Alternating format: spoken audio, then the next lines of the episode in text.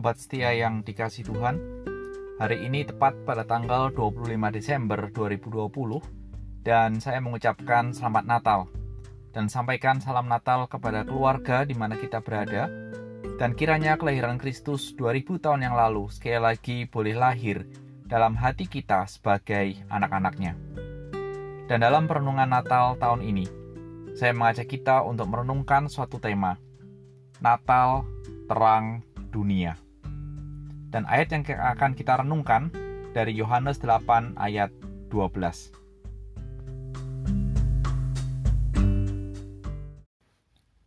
Maka Yesus berkata pula kepada orang banyak, katanya, Akulah terang dunia. Barang siapa mengikut aku, ia tidak akan berjalan dalam kegelapan, melainkan ia akan mempunyai terang hidup.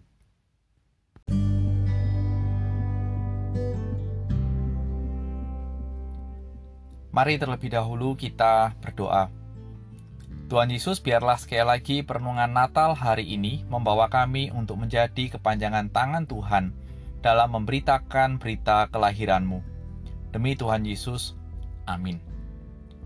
Sobat setia, pernahkah kita mengalami mati lampu ketika kita berada di suatu pertunjukan bioskop?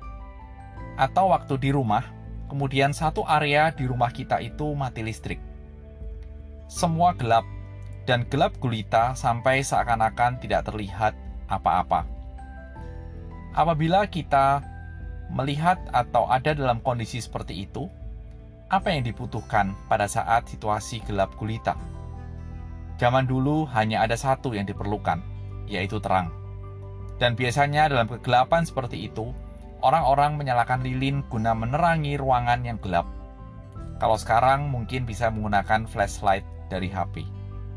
Itulah suatu gambaran yang nyata bahwa dalam menyambut Natal ada Minggu Advent, di mana selama empat minggu, satu persatu lilin dinyalakan, dan terakhir ada lilin kelima yang biasanya dinyalakan pada malam Natal, yang menandakan bahwa true light atau terang sejati itu hadir atau lahir, yaitu siapa? Kristus penyalaan lilin dalam Minggu Advent ternyata bukan suatu tradisi atau kebiasaan gereja dalam melakukan kebaktian-kebaktian Advent, tetapi itu adalah simbol bahwa terang sejati itu akan hadir di dalam dunia. Namun, kita perlu memikirkan sejenak: mengapa dunia membutuhkan terang? Mengapa kehidupan manusia dalam dunia ini membutuhkan terang? Dan mengapa dunia digambarkan adalah dunia yang gelap. Dunia di mana kita tinggal, kalau kita perhatikan, dalam berita-berita dan dalam kehidupan dan dalam sejarah dunia ini, penuh dengan kebencian, hawa nafsu, iri hati, kekerasan, kejahatan, dan lain-lain. Saya percaya sobat setia bisa menemukan, menambahkan hal-hal yang telah saya sebutkan. Sehingga itulah gambaran kegelapan bagi dunia ini dalam kegelapan seperti itulah Kristus lahir dalam dunia. Dan Yohanes mencatat bahwa Yesus sendiri menunjuk dirinya sebagai terang dunia. Supaya apa? Supaya kita sebagai anak-anak Tuhan tidak tinggal dalam kegelapan.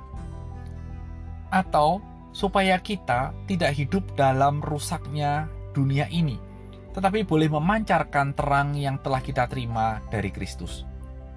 Sobat setia, kita harus menyadari bahwa terang yang kita bawa dalam hidup kita bukanlah suatu terang yang dapat kita remehkan atau abaikan.